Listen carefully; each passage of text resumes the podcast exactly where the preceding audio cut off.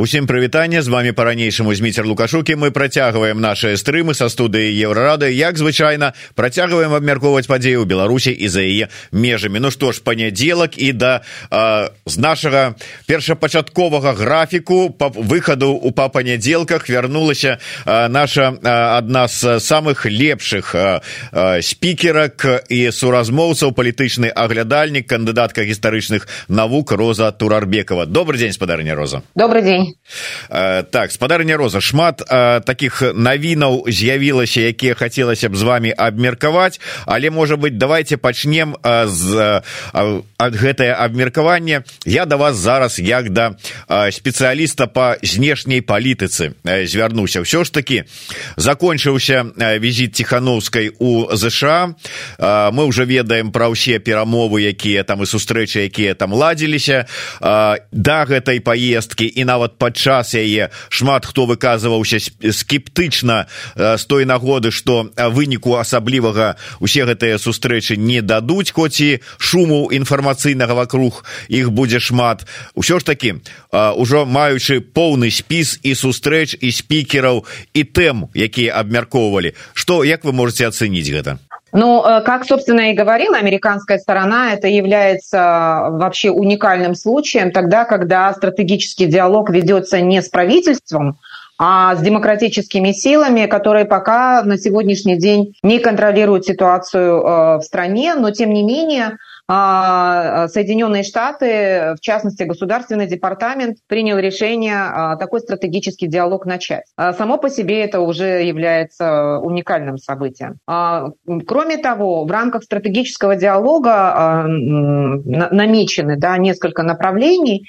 и будут создаваться, в рамках этих направлений будут создаваться рабочие группы, что означает институционализацию стратегического диалога, то, о чем, кстати говоря, я и говорила, наверное, где-то примерно неделю тому назад. Вот. И э, эта институционализация в первую очередь говорит о том, что несмотря даже на изменения э, в руководстве, э, диалог продолжится. То есть это не, встав, не вставляться в график визита, вот, а что этот диалог продолжится. Вот рабочие эти группы будут работать над конкретными направлениями. Ну вот что касается конкретных направлений. Первое э, и самое важное, наверное, это сохранение суверенитета национальной независимости. Здесь Соединенные Штаты э, продолжают делать ставку на давление на режим. А, они увязывают это также и с э, важнейшим направлением а, по политзаключенным. Они также, это направление объявлено в качестве приоритетного направления наряду с демократией и суверенитетом. Кроме того, выделяется направления по сохранению национальной идентичности, а, языка, уникального, а, уникального, а, уникальной белорусской культуры и языка. И в этой связи анонсируется увеличение количества стипендий и возможно, может быть, не открытие новых программ, но в рамках этих программ увеличения количества стипендий, обмена. Вот. Э, можно посмотреть, кстати говоря, заявление, которое э, сделал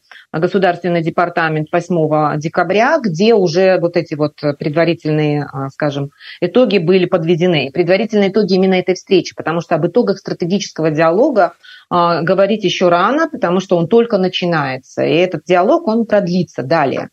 Вот, что еще? Собственно говоря, пока вот э, все. Я думаю, что это, этого уже немало. Я б хотел дакладніць. Я глядзеў стрым Ігора Тышкевича, вот таксама с аналізам вынікаў гэтага візіта. І сярод іншага ён сказаў, што ну, как бы гэты дыялог, умоўна кажучы, ці гэтыя кантакты, ці ўсё, што там вот адбылося, гэта тэрмінам на два гады, не больш, Таму што выбары ў ЗША і зараз год гэта да выбараў і будуць вот все намечаныя і запланаваныя там дзеянні выконвацца потым год яшчэ нават пасля выбараў калі хто б не прыйшоў як бы не змянілася уладава у ЗША будзе год яшчэ дзейнічаць усе дамоўленасці як ён сказаў па такая ну э, по інерцыі а потым ужо все трэба будзе альбо по новой альбо як там яшчэ вы згодная з гэтай позицией ці не ну это скептическая оценка если иметь в виду негативный сценарий то наверное да это два года но это немало А, Вот. А на самом деле, я так полагаю, что стратегический диалог продлится до, до победного конца, скажем так. Тогда начнется уже другой диалог. Але, э, як вы думаете, гэты стратегічны диалог, гэта, як вы выразились, победный конец э, наближает ці не? А, я надеюсь, что да, потому что а, Соединенные Штаты проявляют очень большой интерес к белорусским демократическим силам. Они пытаются сейчас, вот это сигнал большой, такой, а, оказать всестороннюю поддержку. В чем конкретно это будет выражаться поддержка, я уже говорила. Это, конечно, я так понимаю, усиление санкционного режима.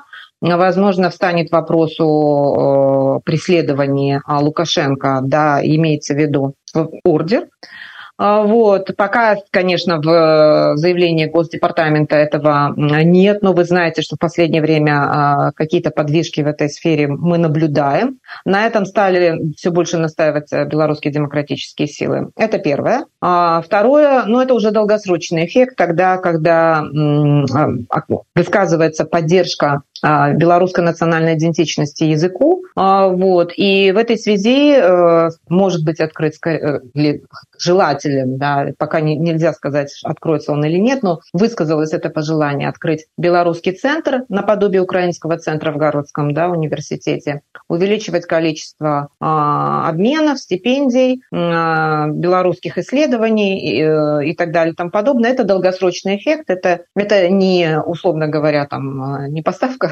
вооружений, да, вот, и не объявление там а, блокады или санкций. Нет, это совсем другого уровня поддержка. Но все эти уровни, они так или иначе нацелены на то, чтобы а, белорусские демократические силы победили, и Беларусь как национально независимое государство продолжала дальше существовать и развиваться. Я, может быть, працягну тады э, далей. Визит у ЗША-то, безумоўна, скончыўся, але працягнуліся сустрэчы тут ужо у Еўрапейскім Саюзе.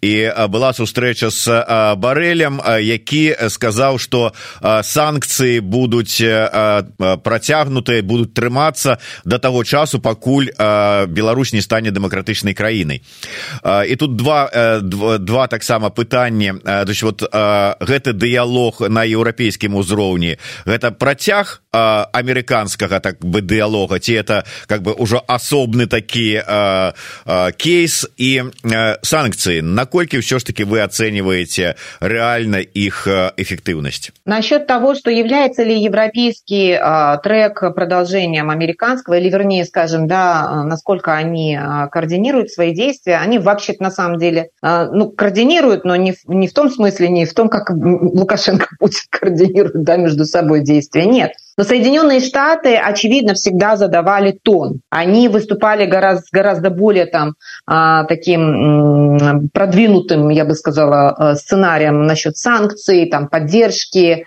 а, помощи, в том числе вот это на примере Украины видно, да, военной помощи.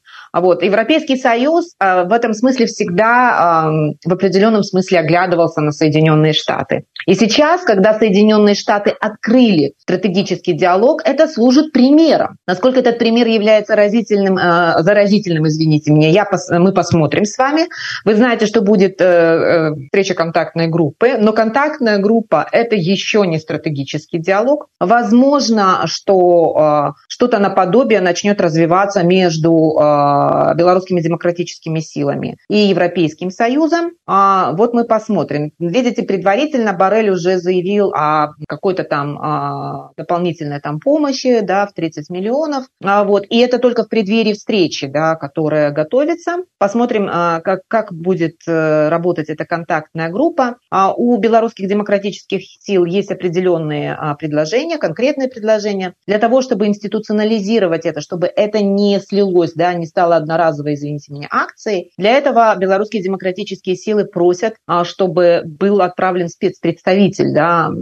Они об этом говорили, об этом говорилось и в Вашингтоне. И, скорее всего, об этом будет говориться в Брюсселе, то есть чтобы институционализировать этот диалог и выводить его на более высокий уровень. Это первое. Что касается санкций. Ох, серьезная тема, конечно. Здесь можно там можно высказывать и скептические, и скептическую точку зрения, и более оптимистичную точку зрения. Давай, Значит, давайте мы не, не академічна падыдзем до гэтага пытання, а может быть нават дзесьці эмацыянальна по-чалавечы. Ну, по-моему, у меня всегда достаточно эмоциональное выступление. А, э, если говорить об американских санкциях, то американские санкции быстрее достигают своей цели, а, в том смысле, что именно они а, первыми начали а, использовать этот вид э, давления. Они же учредили офис, который занимается тем, что специально отслеживает, насколько данные санкции действительно воплощаются, кто их обходит и как этих людей наказывать.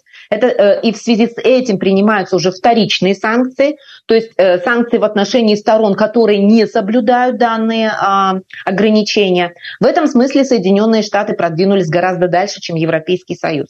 Соединенные Штаты, э, в общем и целом, давно, э, скажем, как это, практикуют а, и отраслевые санкции, и финансовые санкции. При этом именно в США э, как бы вот, пришли к выводу, что финансовые санкции являются наиболее эффективными. Более эффективными, чем санкции, которые накладываются на торговлю, например. А вот. Что касается Европейского Союза, то Европейский Союз очень долгое время не хотел как бы вводить секторальные санкции, считая, что такие таким образом наносится вред не столько, а, там, я не знаю, режиму, сколько обществу. Но а, после начала войны, и даже э, ранее, в преддверии войны, а, именно в отношении Беларуси впервые были применены секторальные санкции. Но проблема заключается в том, что Европейский Союз по сравнению с Соединенными Штатами не продвинулся так далеко в плане преследования тех сторон компаний да, и стран, которые нарушают этот санкционный режим. Они только сейчас подходят к этой идее вторичных санкций. Они только только сейчас начинают, пытаются учредить этот офис, который будет этим заниматься. И Европейский Союз, как вы сами понимаете, не Соединенные Штаты. Соответственно, мы с вами должны различать американские санкции, европейские санкции, американские санкции как более эффективные. Не потому, что это Соединенные Штаты, а потому что они в этом деле уже, в этом бизнесе, как говорится, давно. Э, Европа гораздо позже, поэтому отсюда именно европейские санкции, которые были э, торговые, в основном торговые ограничения, они э, в большей степени обходятся. Поэтому как бы здесь и, и возникает вот этот вопрос. А, достижение цели санкционными средствами. А, а, и, эти цели достигаются, но, к сожалению, не так быстро. А, вот. Я вот, например, смотрела специально и писала, вот скоро будет, наверное, презентация этого исследования по санкциям. Я смотрела и мне показалось, что нам ближе пример, там, например, не какого-нибудь Ирана или Северной Кореи, ну, я Россию в сторону отодвигаю сейчас, а скорее всего, Бирмы. И там, по, моим, вот, э, по моему исследованию, получается, что от момента введения санкций до начала ведения переговоров э, с режимом, когда режим пошел навстречу, да, э, прошло где-то в районе 10 лет. То есть э, даже с этой точки, и это успешный пример да, того, как повлияли санкции. Поэтому, ну, что я могу сказать? Вот так вот у нас с вами такая ситуация. Уже не говоря о том, что у Бирмы был, был менее благоприятный благоприятный международный контекст, а у Беларуси, у Лукашенко сейчас более благоприятный народный контекст.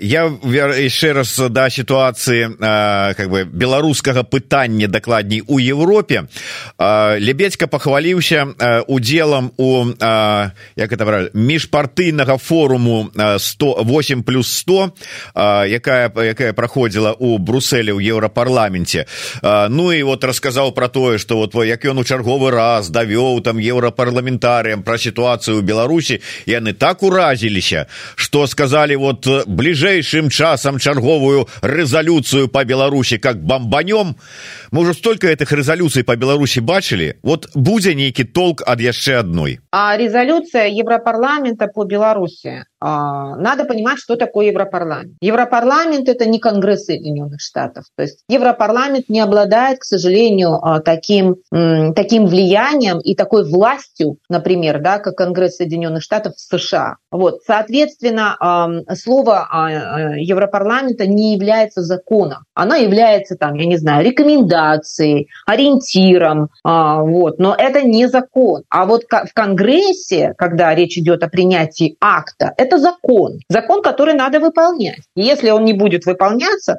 соответственно, как бы будут и э, проблемы, неприятности у тех, кто не выполняет закон. То есть он будет выполнен, иначе он по-другому не называется. Поэтому в этой связи а, это хорошо, что Европарламент э, будет принимать резолюцию. Это создает определенную, определенный контекст, это влияет в определенном смысле, рекомендательная такая сторона, то есть они задают этот градус да, дискуссии, но а, такого прямого действия, да, как если бы это была бы резолюция Конгресса США, например, да, или акт, который будет приниматься в отношении Беларуси, кстати, а, вот, это, это совсем другая история. Вот в чем дело. Вопрос в том, в институциональной сути а, Европарламента, в отличие от, да, там, например, парламента Великобритании или же Конгресса Соединенных Штатов, или же того же самого Бундестага. Поэтому это отличная работа. Конечно, я считаю, что все, все, что на пользу белорусским демократическим силам, это хорошо. Но вот здесь надо просто понимать и взвешивать да, реальный вес а, этого а, акта. Он такой. Это влияние, это градус, это контекст, э, но это не закон. Вот, а если бы речь, речь идет об акте, который принимается в Конгрессе США, это закон.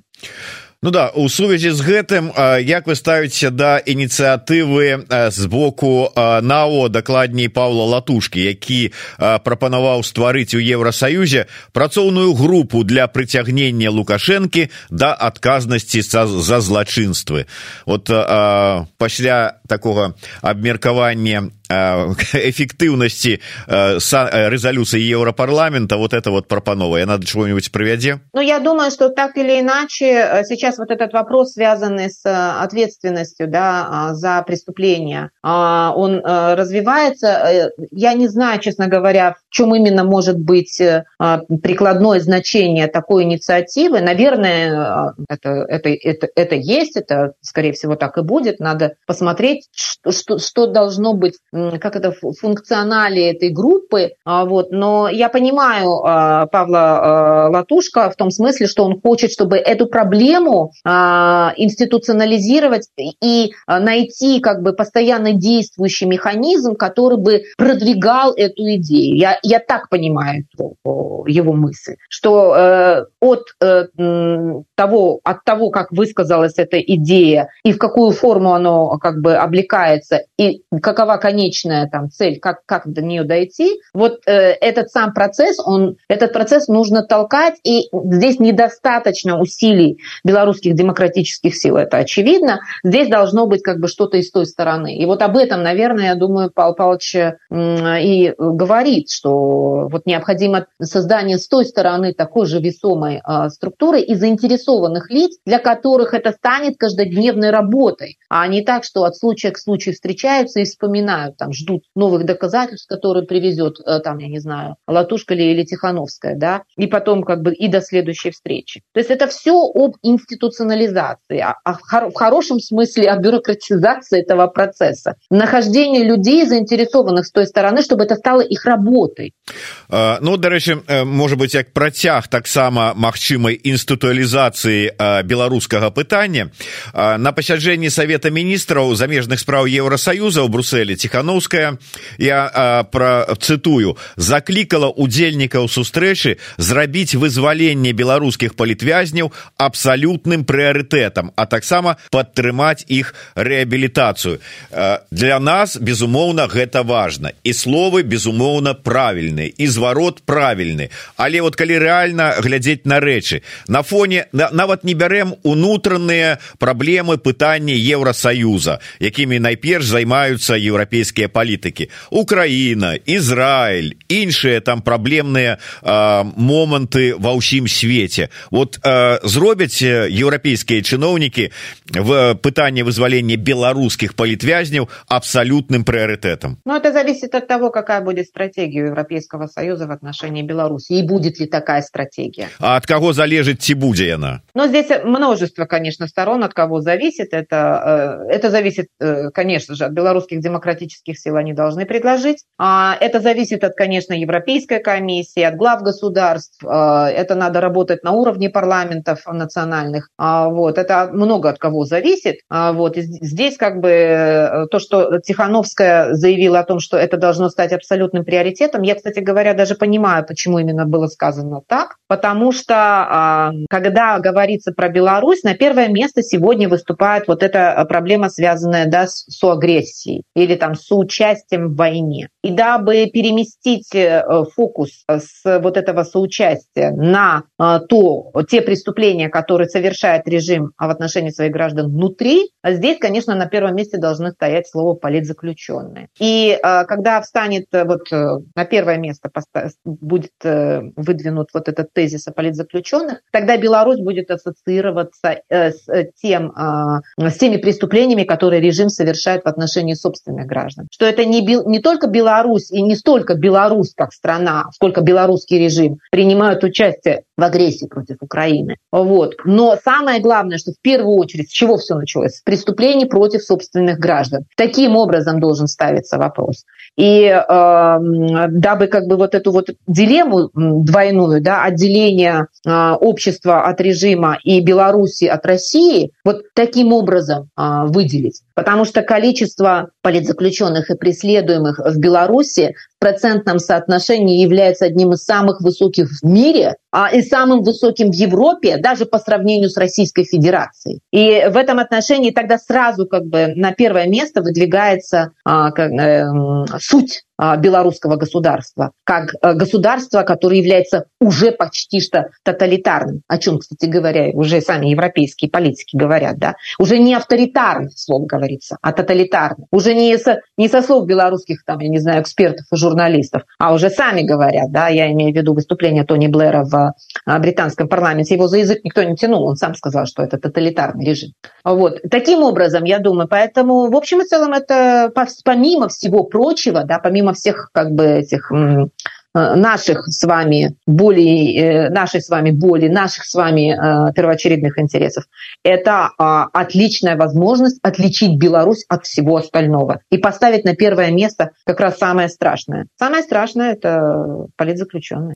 Ну, дарэчы, мы з вами уже абмяркоўвалі гэтую тэму политзаключенных у тым сэнсе что вот нават абмяркоўвалі слуханне у коаардынацыйнай радзе по гэтым пытанні все ж таки вот пытанне ад гледача под нікам тата як ЗША зможа паўплываць на вызваленне палітвязняў Ну я дадам ці ЕС ці будь-якая іншая там краіна дзяржава структура там ці яшчэ что-нибудь вот реально ёсць такія магчымасці есть вопрос насколько режим способен сейчас или насколько он готов к так, такого рода действиям а санкции и очень как бы последовательная санкционная политика как показывает история приводит к освобождению политзаключенных заключенных. А вот. Но а, для того, чтобы эм, как бы режим пошел на это освобождение, для этого, по всей вероятности, необходимо, чтобы у них внутри что-то случилось, чтобы они э, к этому пришли. Это, это возможно. Этому пример является не только, ну, там, я не знаю,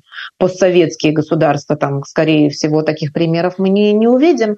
Скорее, это э, как бы такие страны, там, например, как Бирма, как Афганистан. Вот. Там, там шло, шли на освобождение. Ну, например, в Китае не шли. Но как бы Беларусь это не Китай. Он не, э, Беларусь не может так противостоять Соединенным Штатам, как Китай. Вот. Что еще? В Иране не шли навстречу. Но а, Иран дал пример а, того, что а, санкционное давление тоже на него оказывалось эффективное а, по поводу ядерной программы. А, Иран был вынужден начать переговоры, кстати говоря, что привело к подписанию этого так всеобъемлющего так называемого соглашения. То есть это к вопросу о работе санкций. Санкции работают Вопрос э, как бы а, длительности действий санкций, вменяемости правительства, в отношении которого осуществляются эти санкции. То есть они должны принять решение, что э, в этих условиях дальше невозможно существовать, поэтому надо идти на освобождение политзаключенных. Ну, это мы с вами тоже обсуждали относительно Лукашенко. Ну да, але пакуль што мы бачым, што э, рэпрэсіўная машына э, не спыняецца і не дае нейкага там намёка захаду, што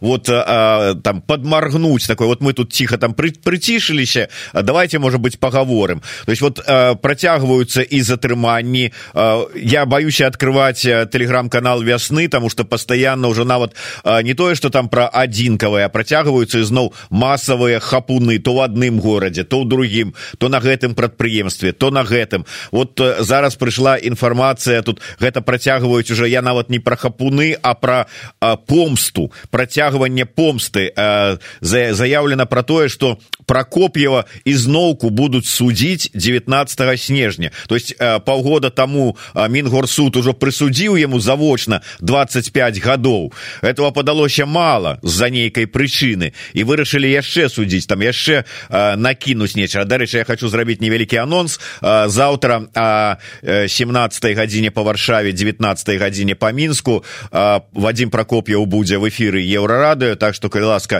Рыхтуйте свае пытанні але вот да вас спадарыня роза. Вот гэта вот чаму чаму так адбывае что ў галавах? Вот я разумею что мы з вами не психоаналітыкі ну я прынамсі вы там можа быть а, это самое вот что вот чаму ніякіх вот что за гэтым вот стаіць? Но я тоже не психоаналитик а, но это такая да это это это и, и месть и э, там с их точки э, зрения рациональности с их рациональностью да а, они как бы думают что они там судят за преступление в их понимании а, в их понимании Прокопьев по идее должен был бы уже давным-давно заткнуться простите за это непарламентское да, выражение но он не затыкается и делает все больше и больше Э, не знаю, чем он конкретно уже там в очередной раз насолил, что у него будет очередной суд.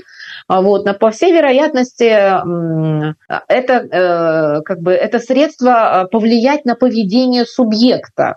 По-моему, в их понимании так. То есть если они объявляют о начале уголовного преследования в отношении лиц, которые находятся за, вне зоны их досягаемости, то они это делают с целью повлиять на поведение, запугать, да, условно ну, в смысле, уж по прямому, по простому, да, если говорить. Я думаю, что так, вот, вот они хотят добиться своего, и в этом смысле это абсолютно стиль э, Лукашенко. Это абсолютно как бы укладывается в логику диктатуры. Э, ну а мяне больше вот цікавіць э, гэта сближэнне па ўсіх параметрах с э, расійскім бокам. Пачынаючы с зараз вот інфармацыя про тое что вот беларуса фсб расійская абвінаваціла ў тым что ён здзейсніў тэракт там на чыгунцы. І зараз тут жа ж бела беларускія вот это шакалы под под под падтрымалі і устроілі там там затрымання тых людзей якія нібыта былі з гэтым звязаныя. І з гэтай нагоды там рознай шмат інфармацыі ідзе якім чынам вот як яны падтрымліваюць і расійскую агрэсію і ўсё што дзеецца там у рассію мяне вот напрыклад шакавала інфармацыя якую перадае хрысціянская візія про тое что свята елисеевскі манастыр за, за вот паўгады купіў для расійскіх оккупантов 11 автомобиляў то есть вот тыя которые типа там не убей э, і супраць войны ўсяго па астатняга павінны быць робяць усё каб дапамагчы расійскім агрэсарам тым ці іншым чынам у вайне вот гэта сближение с э, России с русским миром, нават скажем так. Накольки оно небеспечно? Очень. Это, наверное, является самым небезопасным. Это, это реальная угроза. А, и как раз именно об этой угрозе говорилось э, на стратегическом диалоге в Соединенных Штатах. А, как бы я вольно перевожу, я не теми словами, возможно, сейчас говорю, но это противодействие, конечно, русской пропаганде а, и русскому миру, вот, как идеи, как идеологии да, русского фашизма, это, и это является одним из самых, мне кажется, важных направлений а, в борьбе за независимость, за национальную идентичность, за, национальную, а, за национальный язык и в конечном итоге национальную независимость Беларуси. Свято Елизаветинский, наверное, да, Елизаветинский. Да, да, Елизаветинский. Тем, тем, который знаменитый, да, с тем. Но он же, они же отличились еще в 2020 году, если вы помните, да, этот отец Лемешонок, по-моему, да, абсолютное мракобесие в голове, абсолютное там. Э, э, я просто уже перестала там читать, и да, христианскую визию э, я знакома с лидерами христианской визии, подписана была, читала. Ну, когда я читала «Лемешонка», да, там делали перепосты представители христианской визии. Я, я не то, что была в шоке, да, это, ну, это средневековье такое, что просто потрясает меня вот до, до глубины, э, поражает как в современном государстве, как в современной стране с такой системой образования все-таки после стольких лет атеизма и, по крайней мере, ну, точно отрезвления, да, по крайней мере, да, некоторых вещей, как такое вообще, в принципе, может быть. Это, во-первых. Во-вторых, а, что касается а, сближения с русским миром, а, ну, так это РПЦ. Что от нее ждать-то от этого?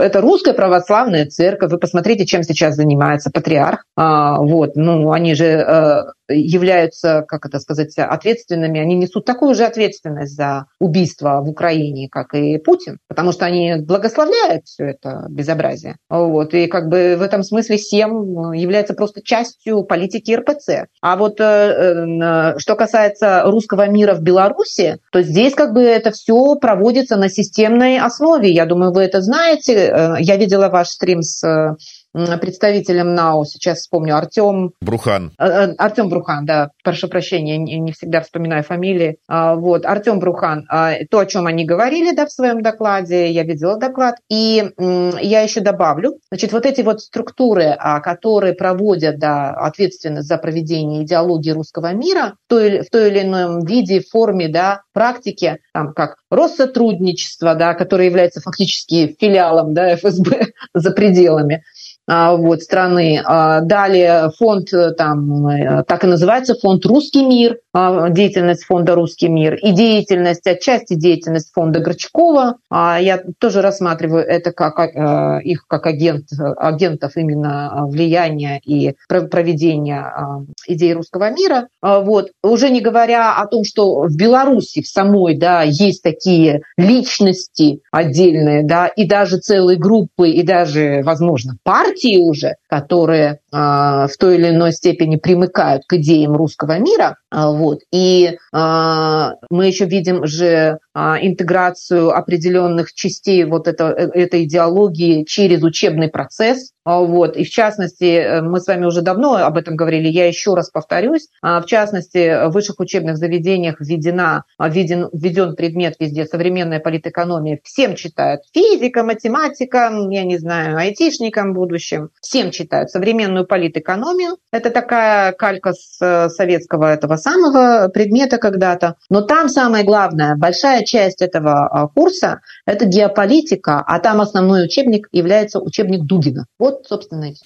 Э, ну вот, э, до речи, вот калі казаць про тое что адбываецца ў таким в этом і навучальным і не толькі працэсе я вот читаю про тое что у мінску оказывается прайшоў так рэспубліканскі совет по істарыческой палітике дзе яны абмяркоўвалі изъятие з бібліятэкі і крамаў экстрэміскіх і як это яны кажуць і сказа искажающих историческую правду изданий ну вот дарэчы одно из экстрэміскіх выданняў вот перад вами вами афіцыйна прызнанае экстрэміскае выданне беларуская нацыянальная ідэя. Вот а, гэта а ўжо прагучалі словы про тое что ну можа быть не трэба тут уже так как это так сказать не все плохое связано с цензурой так вот каль перафразируя там что прагучалі словы что может быть трэба ўжо вярнуць цензуру нормально тому что это ўсё ж таки нас аберагае от тлетворного влияния з усіх бакоў як вы лічыце да чаго дойдзем і што якія пагрозы гэта нясе ці вот яны самі разумеюць што яны твораць не знаю наверное понимают но не знаю не, не могу сказать знаете в этом пьяном угаре как говорится возможно уже и не понимают ну, мы же с вами обсуждали сколько раз, я же тут же задавала вопросы, пытаясь обратиться к коллегам. Следующий, а следующий шаг что? А, сжигание книг во дворе университета. А, вот. Ну, вот говорят, что физически уничтожать не будут. Ну, успокоили, да? А, вот. Самое удивительное во всей этой истории, что экстремистской литературой признаются, признаются произведения белорусских национальных писателей и поэтов. Известных, которые являются частью большого культурного наследия белорусского, которое было признано таковым уже давно и даже в советское время, и теперь вдруг они стали экстремистами.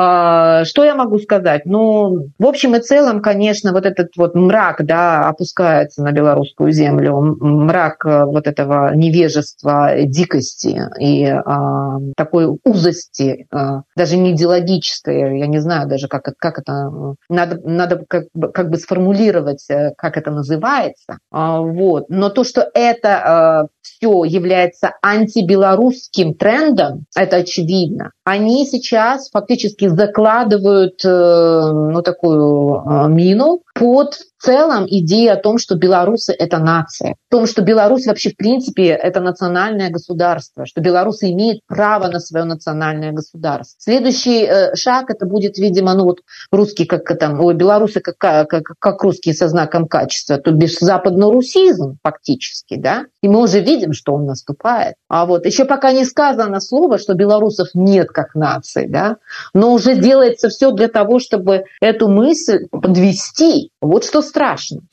дарэчы я вось почытаў ваш допіс у вашем телеграм-канале дарэчы раю усім подпісацца на телеграм-канал спадары не розум дзе вы разважалі про тое что рэвалюцыя двадцатого года з'яўляецца такой вызначальнай у гісторыі беларускай нацыі ну і шмат там цікавых ваших разважанняў параўнанняў с іншымі гістарычнымі там рэвалюцыямі падзеямі і вы пішаце про тое что у лукашэнкі будучага няма і што яго рэтраграднага атачэння таксама і што ўсё ўсё адно скончыцца ну перамогай. А я ведаеце што падумаў? Вот гэта для нас двадцаты год гэта недалёка. Ну вот тры гады прайшло мы ўсё выдатна памятаем.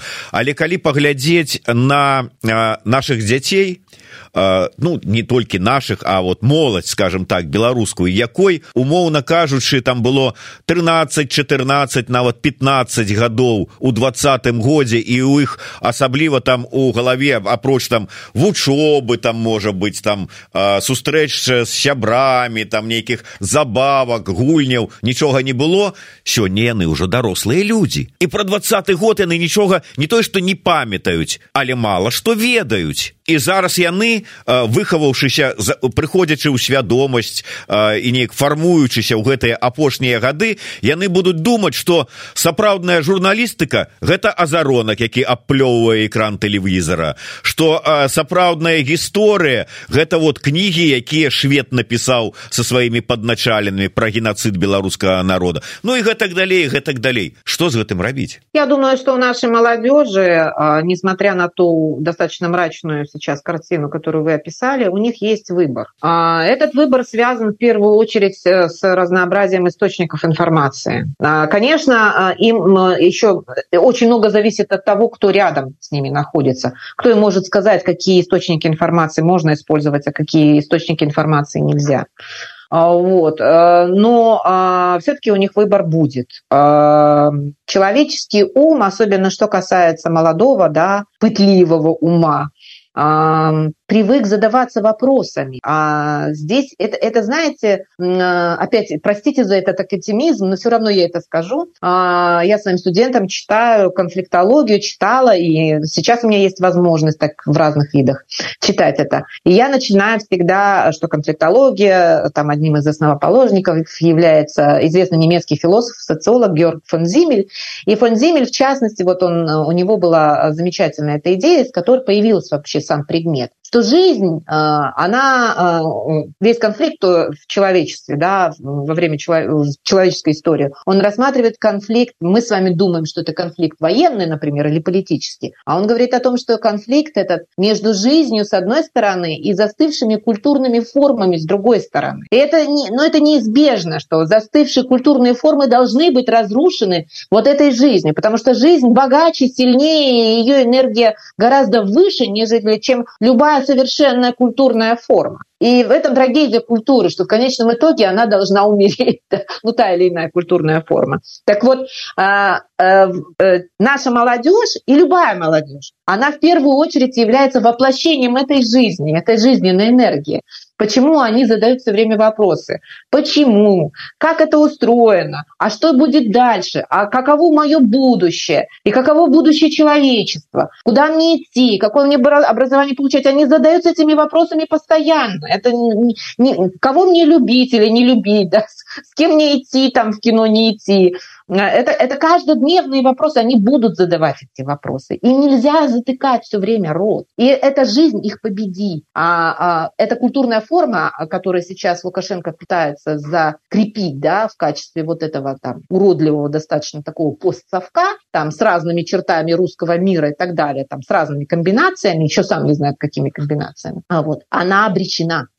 Ну, э, будем спадзявацца. Э, Правда, вот э, дошла информация, не ведаю, наколькі яна, ну, не тое что адпавядае рэчаіснасці. Чакаць то можна як уж показывае практыка ад гэтага рэжыма ўсяго что заўгодна але наколькі яна шырока что маўляў спрабуюць ну запалохваць адказнасцю ўжо там дырэктароў розных школ за тое что калі іх вучні асабліва выдатнікі пось пасля заканчэння школы поступаюць у нейкія замежныя універсітэты. Маўляў вы павінны былі праводзіць з імі працу і пераконваць што яны мусяць заставацца тут а не ехаць некуды а калі яны не разумеюць то трэба маўляў тлумачыць бацькам что калі вы не паўплываеце на сваіх дзяцей то вы можете страціць працу. Вас запакараюць калі ваши дзеці поедуць некуды за мяжу вучыцца вот такая практыка ну я не выключаю что яна калі зараз няма то хуткім часам можа быть уведзеная вот это не не прывядзе до таго что все ж таки яны здолеюць закансервавацца і выгадаваць нейкае пакаленне ну калі не прыхільнікаў то таких вот ну хай сабе так не не по крайней мере то что знаю я сейчас а, у меня был такой разговор а, с одним человеком который вывез своих детей это абсолютно обычный человек обычный белорус а, вот который мне рассказывал как эта ситуация выглядит сейчас в белорусских областных городах а, вот увозят детей потому что понимают, что будущего нет. И они готовы рисковать и своей работой, и, а что тут директор школы может сделать? Что он им аттестат не даст, что ли, народ? Ну что он может сделать? Увезут любыми способами и путями, жертвуя собой, своей карьерой, своей работой. Увезут, потому что это дети. Ради детей мы готовы положить все. Я не знаю, кто должен испугаться. Тот, кто испугается, э, значит, э, как бы тех, э, те и так обречены что называется, на прозябание. А вот, но жалко их детей, что они обрекают своих детей на прозябание. Но то, что видела лично я, а это такая практика уже была этим летом, уже была. Но проблема заключается в том, что массовый отток шел, массовый отток. И это э, та проблема, с которой Лукашенко не может ничего сделать. Это называется демография. А он делает все через свои вот эти вот нельзя запретить. А он делает все для того, чтобы люди еще больше бежали, в еще большем количестве. Они еще больше злились на эту историю. Но он не понимает, потому что он по своей сути абьюзер. Он абьюзер. Он думает, что палкой, ремнем он может заставить себя любить. Нет. Я думаю, что в конце жизни ему откроются чудесные вещи про даже собственных детей, про их чувства в отношении него самого. Они ему еще вспомнят, если будет такая возможность им сказать ему в лицо правду, что они о нем думают и о его процессе воспитания. Это не только мы с вами, это не только его подчиненные. Я думаю, что у него в семье такая же история будет. Сейчас они ему боятся этого сказать, сейчас они его любят, потому что он его, он источник благ, но когда он им перестанет, они ему скажут. Если они ему не скажут, то я буду очень сильно удивлена. Но они должны дать им понять. Вообще, в принципе, человек должен понимать, что является лучшей долей для, для его детей. Это, это должно э, намного, как это сказать, превосходить собственное благополучие. Это нормально, это как бы инстинкт. Если это по-другому, то я не понимаю, кто это, кто передо мной тогда. Эти, это, это не родители, это, ну, я не знаю, кукушки. Вот. Калі уже все ж таки узгадали вот и той бок, як вы оцениваете вот это вот триумф, триумфальное турне по Африце вот, узгаданного абьюзера? Ну, что я могу сказать? Ну, человек как бы открывает направление новое внешней политики Э, в совершенно неожиданном, э, неожиданных местах и странах. А вот Кения для меня вообще как бы э, интересно было бы посмотреть, какой там товарооборот и вообще с чего, из какого, с какой стати он туда поехал. А, тем более, что африканское направление для Беларуси, для белорусской внешней политики было всегда провальным направлением а, по понятным причинам. А Африке нужны в первую очередь сильные партнеры, сильные государства с сильной экономикой, которым бы могли бы дать в кредит. К, к ним Беларусь нет. Все остальное это какие-то, по-моему, странные серые схемы, которые мало похожи на экономическое сотрудничество, а не на что-то другое. Ну да тут э, шмат разоў говорили ну тым больш э, хто ж там курыруе э, афрыканская так сказать эту кошельки і, і справу фінансавую шейман вядомы такі чалавек які абсалютны бессеребрынік і все астатняе тут как бы конечно Я думаю, что это часть семейного бизнеса. На самом деле. То есть это не столько экономическое сотрудничество а, между странами, потому что э, э, экономическое сотрудничество должно быть продемонстрировано в цифрах, да, в значительных цифрах. Вот. Когда Лукашенко летит в Китай, мы говорим с вами об экономическом сотрудничестве. Да, у нас есть официальные цифры, есть история этого сотрудничества, есть там взлеты, может быть, какие-то там проблемы, но африканское направление, ну это есть, ничего такого там нет. Ну да. А, на завяршэнне на завяршэнне нашай размовы э, хацелася ўсё ж таки закрануць э, тэму выбараў нашу любімую спадарыня роза э, тэму выбараў у каардынацыйную раду сябрам якой вы з'яўляеце просто нагодай стала тое что но ну, у пятніцу здаецца стала вядома вот по якіх крытэрах і якім чынам будзе адбывацца гэты выбарчы працэс. Что вы скажете давайте вот отключым сябру координационной раду и включим вот незалежную эксперту, экспертку Розу Турарбекову? А, ну, насколько я помню, я уже как бы могла что-то и подзабыть. Насколько я помню, а, помимо всего прочего, есть возможность избираться разными путями, но в большей степени приоритет отдается, а, по всей вероятности, там, партийному условному или фракционному да, а, направлению. Это первое. Второе, есть возможность для самовыдвижения, есть возможность возможность для избрания от НПО, и есть э, э, возможность, э, и, да, не, не возможность, а это является обязательством, а, так называемая квота, да, гендерная женская квота, там, по-моему, 40%, насколько я знаю. И там конкретно даже указывается, какое количество женщин должно быть, да, там, а, при, при избрании. Вот, ну, это, это не, хорош, не хорошая и неплохая схема и модель, это та схема и модель, которая была принята Координационным советом советом там шло голосование по этим моделям. И это голосование показало, что вот, ну, вот так. А, такой, такой путь выбран. А, значит, это наиболее реальный путь, потому что после начала а, уголовного дела, открытия уголовного дела в отношении Координационного совета а, мог стать вопрос вообще в принципе о том, что желающих да, а, идти в члены Координационного совета на Голгофу фактически, да, желающих может оказаться меньше. Тем не менее, а, видите, проголосовали, э, в том числе и проголосовали за достаточно значительное количество представителей, членов, извините, не Координационного совета. Если выборы удастся провести, если голосование будет и достаточно будет там конкурентная среда, то Координационный совет будет даже не хуже, а лучше, чем было, а, чем он был до этого. А вот. Единственное, что не отдельные члены Координационного совета, возможно, как бы откажутся от э, того, чтобы участвовать в выборах, да, а, вот, и э, я очень надеюсь, что все-таки там самые работающие члены Координационного совета, которые были наиболее активными, которые закладывали а, основы э, институт, этого института, что они все останутся, что они пойдут на выборы. Вот, мы услышим платформы их, предвыборную кампанию какую-то там, да, мы поймем, что кто есть кто, у кого какие там взгляды, интересы. И,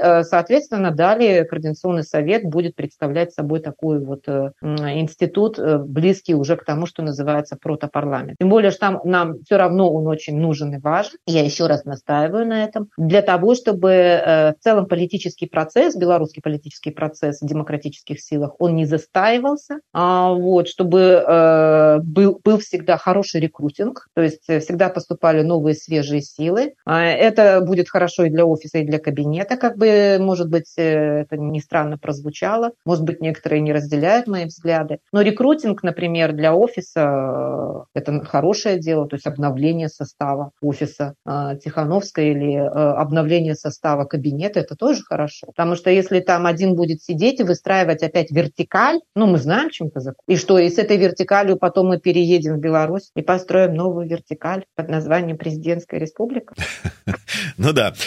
Спадарня Роза, так было цікава вас слухаць, што ледь не забыўся пра одну одну такую тэму яшчэ з вами абмеркаваць давайте на завершэнне мы з вами ўжо как бы прайшліся по тым жаху рэпрэсій і ціску які працягваецца унутры беларусі про тое что ну працягваюць закатывать усё что магчыма под гэты асфальт с оттенком русского мира. Тым не менш сёння э, прыйшла інфармацыя про тое что стварыўся аргкамітэт по заснаванні партыі левых дэмакратычнага толку якая будзе на марксійскіх прынцыпах будавацца і узначальваюць гэтую весь этот працэс былыя лідары партыйныя Сергей калякін лідар партыі справядлівы свет былы яго намеснік Сергей возняк і бухвостаў таксама ліквідаванай колькі гадоў таму партыі працы здаецца лідар так вот не ўсё оказывается так дрэнна нешта там свет у канцэ нейкага палітычнага акенца з'яўляецца ці не? Вот что что что гэта адбываецца? Ну возможно как раз это попытка ответить на выборы в координационном совете. Не только извините меня автоматами да не только взломами и погромами но и вот таким более тонким политологическим или политтехнологическим путем ну, конечно, а, сейчас в Беларуси а, партийная работа э, невозможна свободная, это ясно. Это имитация. Вопрос, э, что является целью такой имитации? Я так понимаю, целью имитации является вот противодействие, с одной стороны, демократическим силам, а с другой стороны, э, и попытка изобразить некий политический плюрализм, а вот с другой стороны, может быть, это попытка показать Европе, что вот возможен у нас нас и политический процесс. То есть у нас не все тут под, там, в асфальте, да, какие-то там цветы через асфальт пробивают. Да. То, что эти цветы, скорее всего, я не хочу ничего плохого сказать про этих людей, но что эти цветы, они являются искусственно, а не естественно выращены, это очевидно.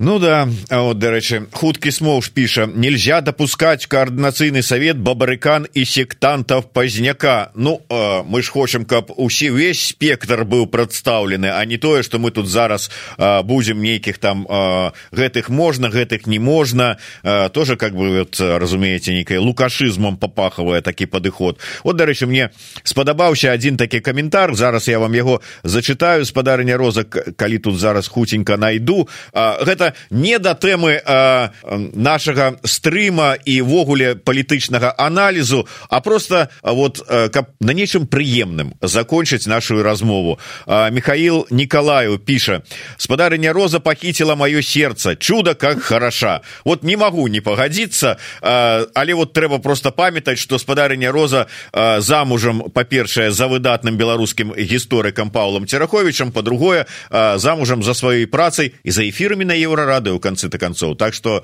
не маю і часу разменьвацца на ўсе астатнія дробязі хаця хотя прыемна пачуць я думаю что такія словы меня есть еще один любимый мужчина про которого на надо упомянуть обязательно это мой старший сын так что э, кроме того что я замужем и замужем за работой на первом месте у меня все-таки дети. Мне очень приятно. Спасибо большое. Я очень ценю своих слушателей, встречаюсь с ними в разных э, странах и очень э, им благодарна за то, что они так э, последовательно все время меня слушают и вас, уважаемый э, ведущий. Дякую вялікі но я яшчэ раз нагадаю пра неабходнасць подписываться на телеграм-канал спадарыні розы турарбекавай на youtube канал еўрарады тым больш як я ўжо анансаваў заўтра у нас в эфиры будзе спадар вадзім прокоп'яў так что думаю будзе цікава ну і не толькі ён дарэчы будзе будзе таксама азараў з лупаносавым паговорым про тое что адбываецца у байполе ну і шмат чаго іншага цікавага так что подписывайтеся націскайте на звоночек пакідайце свае каментары расшарвайце як мага больш каб паглядзела наши эфиры. Але рабіце толькі тыя гэта кому гэта бяспечна тому что бяспека для нас гэта на сёння самое галоўнае. Дзякую вялікі спадарыня роза. Да сустрэчы. Да сустрэчы